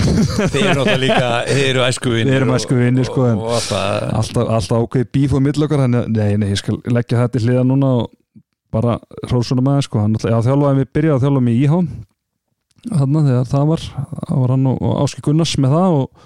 og svo þegar ég fyrir F og þá er hann ráðin sem aðstóðþjálfari hjá Haldur Jóni og bara, já, já, bara eins og þú segir, bara með þó að Dóri sé svona svolítið eh, mjög svona dominant karakter sko Mhm. þú veist, og vill svolítið svona ráða svona, það fekk svona dátni alveg mjög stórt hlutverk og ég man alveg eftir, þú veist, það var eitthvað leikur sem við unnum að móti haugum, örgulega bara þau voru ný bara það var bara, þetta er bara fyrsti annar leikurinn bara í dildin, eitthvað annar leikurinn í dildin eða eitthvað, Já. og vinnum haugana og bara ræða fyrir leik þá bara mætir hann skiluru og kemur bara með eitthvað eini gefin söndi ræðu skiluru, þú veist bara, bara þú veist, það var rosalega ræða sko og maður var bara eitthvað, maður hefur bara gæsað og læti sko, þannig að hérna við dreymir um að fá að gera það ekkert. já, aldrei fengi bara ég er búin að vera hérna í kriganum síðan ég var sex ára það var eitthvað, eitthvað gert sko Væri til í þetta, maður. þannig að já, hann er Gústi Jó og Átun Stefán, þeir þjálfa þetta saman og sko, við erum að tala um að þú veist að sita sko, þjálfara til hliðar eins og Atla Hilmarsson uh, Arnar Daða, Einar Andra Elver Ellingsson, Haldur Jóhann, Haldur Jóhann Maggi Teits, Móbi kongurinn Móbi kongurinn, já, já, Geir Hallsteinsson Vindi Sím, yngri flokkarnir þannig Já, að sko, já. stertirinn Þeir komast ekki í þetta, það er Gústi Jó og Átun Stefán yes Þá fyrir við í hver er erfiðasti anstæðingur eða erfiðasta lið eða eitthvað svona sem þú átti bara, þú átti bara aldrei séns á móti þú varst alltaf bara skrefinu eftir og slis já, Það er mjög líkir leikmenn sem þú setur tvo þar saman Kári Kristján Kristjánsson og Sigfús Páll Sigfússon þetta er eiginlega, ef þú pælir í því þá er þetta kannski svolítið anstæðunar, þetta er Nei, finnst þið það? Já, í sko eh, byrjum á Siffa þá var það kannski bara svona sá leikmaður sem var átti minnst sens í hraðalega séð sko Já, og þannig er ég að tala um eh, Siffa þegar hann var kannski 18, 19, 20 ára svo hægðist nú maður lendi bara í þvílit erfið meðslum hann var kannski ekki alveg sama springin í honum þegar Nei. leiða fyrirlin sko en bara þegar maður mætti honum þú veist, kannski öðrum þriðarlokki og alveg upp í meistarlokk sko Þú veist, ég held stundu bara ef ég myndi þú veist, ég- ef hann myndi sti- ef hann myndi detta í hug, hann geti bara þú veist, farið ekki inn í klofið á mér sko Ef hann ætti- þú veist, hann einhvern veginn fann alltaf leið sko Þú veist, hann gata alltaf þú veist, hann var bara horfin sko Já. Þú veist, ógeðslega erfitt að spila á mótunum hann var svo ótrúlega snöggur sko þú veist, þú veist, já, hann var kannski ekki besti skotmaðurinn og maður reyndi náttúrulega bara að bakka svolítið á hann en hann samt einhvern veginn Ég fann, bara- fann leiðir sko En, en bara einn af þeim gaurin sko, sem, að, sem að þið tröllin sko, þið, þið bara þú leikja að spila um það Já, þetta var óþólandi að spila Já. mótum Ná, og, helviti góður já, Kári Kristján Svipaður, alveg já, ógæð alveg bara það er hraðin, það er sér hraði í kára sko, þú veist, hann bara einhvern veginn reyði sig og hann bara horfin já, Það fór Jönnu Klóður nei, hann var kannski bara þú veist, ég, ég nú alltaf hann- já, ég myndi segja að minn helsti styrklegi sem handbóltamæður hafi verið líkamlegur styrkur en þú veist, þetta var svona þetta var eini gæin kannski sem ég man eftir að spila við hérna heima, það sem ég bara átti aldrei þú veist, það sem maður svona virkilega maður komst þér kannski upp með, maður kannski náði ekki að forvinna þú veist, bara, Mm. maður náði bara svona á styrka að, að stöða menn sko En eins og en ef, ef, ef, þú klikkar á forvinna kára á, svona á er þetta bara búið sko átti ekki séns Nei. það er bara allt í lagi þannig og ég menna Kári líka bara enn þann daginn dag finnst mér hann er bara langbæsti línumæðurinn sko í staðsetningum og, og, og blokkeringum Já. og svo það er bara eins og þú segir ef þú forvinnur hann ekki, for, forvinnur hann ekki átti ekki séns ekki séns uh, eitthvað lið sem að var ómögult að vinna og svo liðs ofur, ofurlið vals í öðrum flokki Já, þú séu sem ekki, ég man ekki eftir ykkur Nei, mannst ekki eftir þessu leið Lefla Freyriðsson, Erni Hrapp, Fanna Freytis Gunnar Harðarsson, Ingvar Átna, Antnar Rúnars Orri Freyr Hvað voru þetta ykkur, í- var þetta gott lið? sko, Lug gott lið maður já, og þú veist, við spilum nokkur svona við og þarna og bara áttum ekki breyk þú veist, og því ég hugsaði tilbaka þá, þú veist, þá er náttúrulega bara hálf áralegt þegar það að vera að spila með öruflokki því að þetta var bara basically liðið pluss einhverju tveir þeirri viðbútt sem var Íslandsmeistari í mestaraflokki, sko, Akkurat. sama tímabil Akkurat, þannig að þú veist, bara leikmenn sem að áttu bara eiginlega allir frábæra fyrirleina heima eða ég fór í að byrja aðdunum sko og voru í landsliðinu já bara algjört ofurlið í öðru flokki eins og segir voru líkilmenn í Íslandsmeistaraliði meistarlóki Já. þannig að það er ekki náðu allir sko, kannski fyrir utan Anton og Orra þeir eru svona mjungir hérna ok, þetta er erfitt með það það var hérna Sigfúrpall hérna og Siffi Siffi hraði og, og, og staðsendingu og Kári Hraði þú gleymdir alltaf að forvinna kára þannig að það Ah, drauma liðsfélagiðin uppbólsgaurin, svona geggjar í klefanum og, og eða á bekknum eða bara kafan í hóp svona, hverja vel eru þar? Þeir var ég ekki með Ísak og Óla, var ekki? Ísak Rapsson og Já. Ólafur Fannar Heimis Já, nákvæmlega, hann er búin að tala um hérna bróðin hérna, hann svolítið áðan og þú veist, hann er þú kannski bara að tala um hann sem hérna handbóltamann þar en bara sem uh, félagsverð á manniski, það var hann alltaf bara geggjaði sko, algjör, algjör trúður við tengjum, tengjum vel þar og okkur finnst gaman að fá okkur í glas og að við bara hérna, við erum bara bestu vinir bara á svona annar eðingu sko Já, það komir ekkert óvart Nei, það var uh, tengdum alveg mjög, mjög hratt Það eins hann og ég segi áðan sko Teddy, Andri Berg, Ísak Namaninn í klefa Já, ég er ekki ekki að sinni Já, klefa það getur verið gaman að kíkja hérna. á það. það Já, og svo bara er hann þú veist, eh, bara svo mikill F-fáingur og bara peppandi skiluru og... Hann er líka bara svo góð maður Já, Það er nú bara Það er þannig. bara þannig. Það verður ekki tekið á hannum, helviti dýrinu að hérna, ég skýrði nú son minn Ísak, já, Darri í höfuð á honum Það er alveg algjör tilviljun en hérna, Ólaður Fannar Heimisson hann er líka vítast í þetta leysins hann er vítaskipta hann hérna, við vorum saman í vorum saman í F-fáið bara yngjaflokkunum og svo vorum við saman í þetta, þetta IH tímabil hann spilaði jakkafutum alltaf eða ekki Já, hann var í jakkafötta, já, hann var í jakkafötum Já, sleikt sítt hári sleikt síst hann, já, hann var samt í jakkafötta sokkum svona svo við séum, það var alltaf í hann var ekki í íþróttasokkum, hann var bara í sparisokkum sko, hann Já. spila alltaf því og hérna, já, hann er alltaf bara algjörmestari sko, Já, fílíkt, fílíkt skemmtilega nági þannig að hann er hann og hann er vítaskitta hann var vítaskitta hjá okkur íhá og mann við spiluðum við Selfoss og ég held hann að við hausa basta svona sexinum þetta tímabil ég held hann að sko, hausa hann einhvern leikinn sko þrísæri röð sko Já, hann er sko eitt skiptið þá sko það er svona erfitt að lýsa þessi útarpi en svona, Basti fannarlega hausi var að fara yfir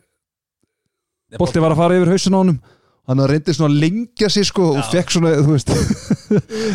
var alveg svona- hann trúði ekki þegar bolti fór í þriðja skiptið Þetta er sko- greittur sko en sem betur fer þá að jafna að geði Sebastian Alessandarsson þannig að hann tók þessu já, hann tók sér mjög vel sko já, já. Grilltur alltaf Á, Ah, þetta var ógæðislega að fyndi sko Já, þetta er gott. Sjátt á þetta og basta Já. Ég þarf að fá hanninga, það er alveg klart aðeins mistari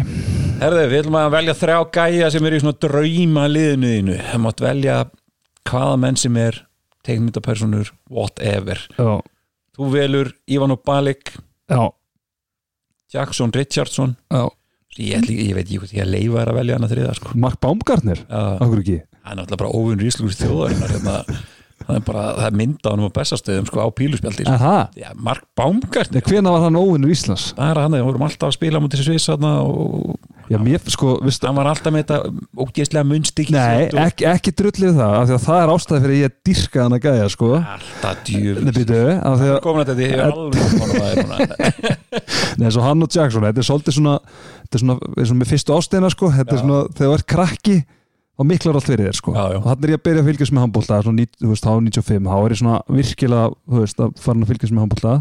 alltaf Jackson Richardson bara kongurinn á því móti með dreddana og iconic Algjörlega, en það sem ég lendi í þegar ég er hann eitthvað 9-10 ára gammal er að ég brýti með framtennurnar og þarf að spila með svona góm þá fannst við þá tengdi ég svo við við bámgartneri sko ha, Ah. maður var alveg svo markarinn sko ég ætla að vera með Arnar þetta núna í liði sko sem að þóliði ekki eftir þetta Já. styrkleika spjaldi eða hvað sem voru með hana já, Þú ert ekki með gott auga fyrir svona Mark Baumgartner sko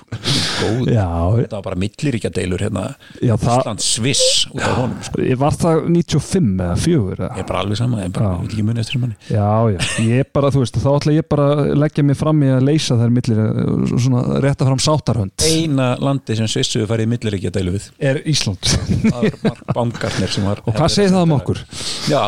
ég stend með bámgartneri í því máli já flott já. En ok, og Balis að það er ekki það Já, það er ekki að tala Það um er hann náttúrulega- lít, það er náttúrulega bara eins og allra besti ég, ég skálaði henni rauðvinni á Final Four fyrir þrem ára síðan það er eitt, það er eitt nettasta moment aðeins minnar Segðu mér að það tekið smóka síkó líka sko Nei, var það, við vorum inn í höllinni við vorum hann í vorum í eh, svona VIP-bóksum sem að lágu saman sko, þegar þú talar um Ívon og Balik þá setur engum máli hvort þú ert við alltaf í kirkju eða íþrótöðl Já, ég skilur, ég þorði ekki að hann var bóttið með réttu sko Já, Mark Bángan þeir náttúrulega, já, já, tökum þetta grín út úr þessu að hann er náttúrulega stórkursli skita Já, frábær handbóltamæður Jackson Richardson En það er samt ándjóks að það var svolítið munnstykki sko, sem að, þú veist, ég bara, það var bara þannig þú veist, örgulega bara út af þessu að því að ég var með þetta munnstykki, ég bara dyrka hana gæða sko. ég, bara, ég hef ekki verið nóg gaman til að fatta hvað var mikið fíbl sko. Sko, ég veit ekki, nú erum við góðu félaga þetta, sko, þannig að kannski, já, þú ert ekkert góðu mann þekkjari, sko Það er þeir fá að komast að þinn Var engin annar sem þetta er, var engin Íslendingur sem að geta tekið að þinn Jú, Ólfur Stefánsson Já, þú veist, ég, já, bara, ég nefndi ekki að vera sjöndingæðin röð sem vinur Óla Steff sko, Nei. þannig að- annars hefði, ég- ef ég, ef ég ekki verið búin að hlusta neitt það átt á henni komingað þá hefði ég sett örgulega Óla Steff sko. Já, já, og Michael Jordan Já, Michael Jordan Já, það er það eitthvað lið í handbóltasögunni sem það vilja spila með þú situr íslenskan landslið 97 2012 Já, bara einhvers þar, þú veist, þú veist, ég basically að segja hefði verið til að vera Óla Stefansson sko. Já, Nei, þú veist, þetta er bara gullalla tímabil, þetta er bara þú veist, frá Kumamoto og til bara hérna ólipjuleikana í London sko Já. þú veist, þá erum við bara reglulega bara annarkvort í uh, spilum velun eða erum í undanúrstum eða, eða hvað sko, bara algjört, algjört gullaldalið og bara Já. peking, the peking era sko, Já. sem segir. nákvæmlega það er svona hérna, maður kannski hugsaði þú veist, þegar maður var lítill þá náttúrulega sá maður Barcelona alltaf með einhverjum, einhverjum hérna, dýrða ljóma sko, bara Já. svolítið út af fótballtaliðinu líka sko Já. en svo einhvern veginn bara eftir að Aron var þarna bara, þú veist ég held að sé ekki gaman að vera þarna eða þú veist, það er alltaf geggja að vera þarna í Barcelona sko en þú veist, það er 90% leikjanum bara á móti Benny Dorm sko, hérna 40-10 sko Þetta- þetta- Ég hef alveg séð því í fróðuti sko og Benidorm sko Þú varst að tala um að Mark Baumgartner væri bara aðeins maður og örgulega ekkit gaman að vera í Barcelona Ertu á livjum eða átt að vera á livjum eða hvað er málum með þig? Já, ég ætla að sofa við bara eitthvað Svofin eitthvað, það er uppgjur í vinnu Já, nákvæmlega, nei, þú veist hvað ég menna þú veist, það er hérna Ég veit hvað þú- svona handbóltalega séð Já, algjörlega skilur mig sammálaði alveg stórkvæmsleitt landslið og svolítið Ein nörda spurning, varstu hvernig hárið að Óla stegið fór? Já, svart Já, komum mótu Já, Já, flott Þá ég, ég, ég, ég vaknaði kljóðum 5 alla mótna til að horfa á þessu leiki sko Já, veitum, maður gerði það, maður Já. gerði það og bara hikað ekki í það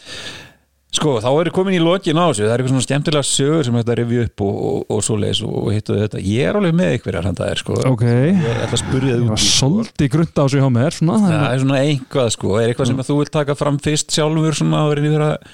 svona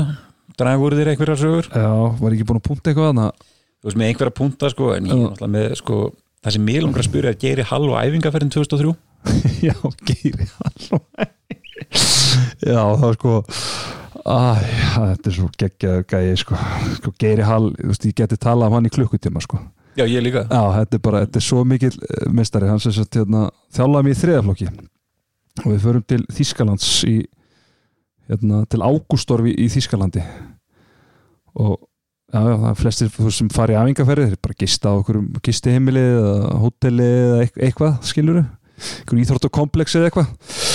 Eh, við gistum á Hermannabeysi svo þú þetta er sérst, hérna, stærsta Hermannabeys Þíska hersins í, í Þískalandi já Þannig að það var basically þýskir hermenn og við. Þannig að við fórum bara í morgumat og þá bara settist maður og bara hliðið manni var, var, bara- voru bara ykkur tveir hermenn og, og hrískótariflar á gólfinu sko. Það var- það var hann bara þannig sko. þetta Geiri Hall þetta hún já. Hann er bara, "Ah, hann er góð dýll á þessu eða eitthvað. já já Hann er fengið eitthvað helviti góðan dýl sko. 100% Já. 100% göngustíðin hvað Já, sko, Geiri Hall, sko, hann, hérna, hann var alltaf með gönguskiði, sko, hann var, hérna, hann var einn strákur sem að var að æfa með okkur, sem að, bara í toppmálum í dag, þetta er Helgi, nuttari, hann var svona ykkur smá brasi á, á þessum árum og, og Geiri náttúrulega, svo bara með sinn feril, skilur þessi þjálfari og, og leikmaður og vildi hafa smá standard á þessu, við vorum ekkert með neitt f- frábært lið þarna í, í þriðaflokki, sko, en hann vildi hafa standard og hann var ekki dól lánað þegar menn mætti ekki á æfingar og voru ekki að sinna þessu og, og, og Helgi kallin var svona hann var ekki alveg að, að mæta hann var svolítið svo yfir sig og, og svona sko og hann vildi alltaf senda hann á gunguskið bara já, alltaf hérna, tók ykkur nokkur sinnum eftir æfingar og já, ég strákum mér, þurfum ekki bara að senda Helga á gunguskið já bara nei, hvað mennur nei, menn hann er ekkert að sinna þessu, við þurfum bara að senda hann á gunguskið, sko, hann getur ekkert verið hérna með okkur nei, gerum við ekki að gefa hann um eitt séðan sér viðbútt nei, ég held við ættum að senda hann á gunguskið eða hvað, nei nei, svo dettur hún í gjótum maður. kall greið, nei, nei, við höldum honum bara Þetta- og hann var alltaf með þeim menn voru að drulla á sig hann var alltaf þessi frasi sko, þurfum við ekki bara að senda hann á göngu skýr en menn voru ekki að sinna þessu sko Svo það gekk vel hjá okkur, þegar hann þjálaði mig líka í þriðaflokki og gerði okkur að byggja musturum og svona já, Þegar það gekk vel, þá myndi hann mann á hvað Það er stutt í kúkin það er stutt í kúkin Stutt í kúkinn. já, Það er alveg klart akkurat Þú teipar hann bara að þú með þig saman hvort þú brýtur að þér löppin eða missir að þér hausin þannig að bara teipar þetta já, já, alltaf hérna Var, varst þú ekki þegar að hann teipaði eh, þegar Sveitn Arnason, hérna, dómari sem að Jú. Arna Gretarsson eh, var í deilu við hann um daginn Akkurat að þá allan að- heyrði ég sög að því að hérna hann hafði viðbröðsbrotna leik og geiri það verið að byrja að teipa eitthvað svona X yfir bringun á honum og, Það eru fleiri svona sögur Daniel Stefing fór á axlaliði í fjóraðsíð Er þú ekki bara að teipa þetta? að teipa þetta bara geggjaður Það sko er Ah, frábært stórkoslu maður Ég voru á æfingu með honum í fyrra við upp í kriga já ok, Ég, Sigur Gjörðan Æðinsson og Geir Hallstil já, það eru þrjú legend Ég sendi Kristján Arason línu, kemur þú næst True legend Herre, um, þú skrifar hérna þegar þjóðun hafði hjælt að þú hefði fallað við lífjaprófi já, það var einn útrúlegasti dagur bara þá sem sett hérna eftir eh, byggarústaleikin 2015 sem við töpum um að dýpi af að þá er bara eins og protokollar segja til um að það eru teknir veldi bara sikkur leikmaðurinn í leiðapróf og leikmaðurinn í mínu liði semst fellur á leiðaprófinu og það kemur ekki ljósta fyrir en hann einhverjum tveim mánum sitna og það byrja að leika út fréttir um það að leikmaður FH hafi fallið í leiðaprófi Mhm. og hann er ekki nafngrindur í, í miðlónum og við hefum leika á móti haukum um kvöldið í áttalústum í Íslandsmóti Já, og uh, fréttin er basically þannig að það er bara leikmaður eða, þú veist, það er ekkert sagt hvað leikmaður er, bara leikmaður FH og það er mynd af okkur liðinu fagna eftir leik og ég er basically í mið, bara, já bara fyrir miðju á þeirri mynd Mhm. og það dróðu bara allir það áleiktun einhver hluta vegna að ég væri umrættur leikmaður Já, einhver hlut sko, faraðu nú ekki að fara að draga lítuð gera lítuð sjálfur þér þetta minn sko. þú varst eins og gríst góð hana búin að lifta alveg svo ég veit ekki hvað með Já, sixpack og, og, og þvílít skorinn og flottur sko. ég hugsaði mig um sko, því ég sá þig bara Já, já. "Það eru þau, já, maður." þannig að hérna, síminn bara stoppaði ekki sko það voru allir ég fekk svona, ég fekk svona 70 skilabóð sko, þetta var bara það voru allir á því þetta er Teddy, já, þetta er Teddy já, en þú, þetta varst ekki þú, þetta var ekki ég það var ekki þú það er þá stað, það er staðfest hér íslenska þjóð Já, staðfyrstu þjörmið Já, en það var bara, ég, þetta var hérna það gerist ekki mikið í vinnunni þann daginn Nei. en hvernig fagnaður þú skoraði svo Ég, Eh, ég held að skora fyrsta markið í leiknum og,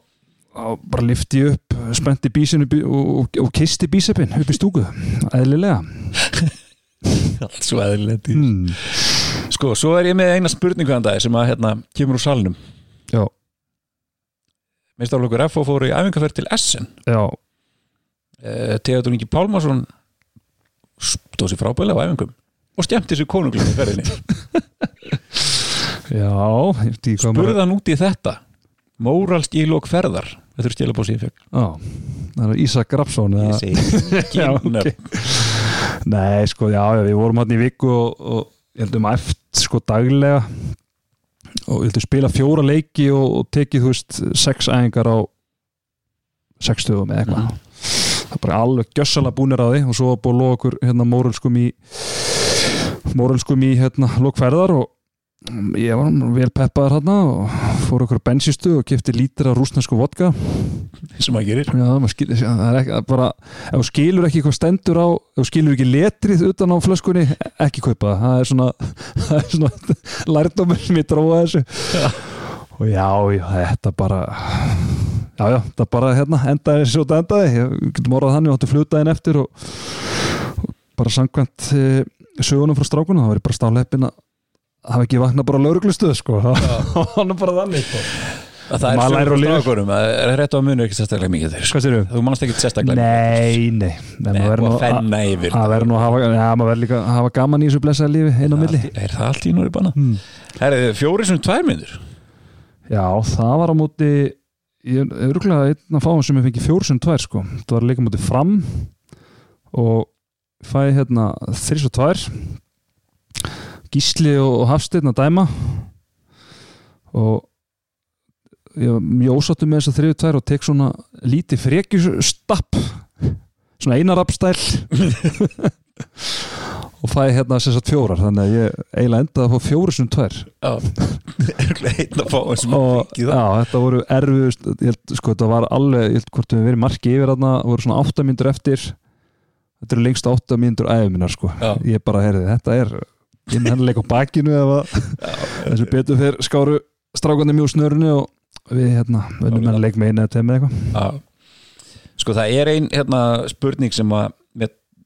að því að þú náttúrulega eins og uh, talaði um í byrjun, sko, þú, þú ert orðin handbólta spekingur, mm. mm þú ert komin í hérna, setnibylgin að þú byrjar í handkastinu -hmm. í félagarnir og svoleiðis Hva, Mhm. hvað hérna svo ég takk ég nú aðeins frá þessum sögum sem ég ætla að hérna, draga upp úr þér og svoleiðis uh, hvernig, er- hvernig er æxlast það? Þú ert allir nú bara orðin handbólta spekingur í setnibylginni og, og, og alltaf eini Ég- maður sem átt sko engan landsleiki, eða- nei, tjók hérna, já, Nei, segja, þið, þið já, byrjið með þetta Já. með handkastið, Já, frábært já. podcast sem ég mæli með að allir hlusta á að sjálfsögðu já, já, já þetta er náttúrulega bara byrjar eiginlega bara, þú veist, því byrja aftur í handbólta sko, það er svona er eiginlega upp að það er bara svona fáastriðuna og allt það aftur sko Já, svo hætti maður og, og þá var hérna Hjörvar Haflega og nýbyrjað með Dóttar fútból Mhm. og ég bara er mjög aðteglisjúkur og bara finnst gaman að vera í að, hús, bara ég elska mér er bara gaman aðtegli skilur og,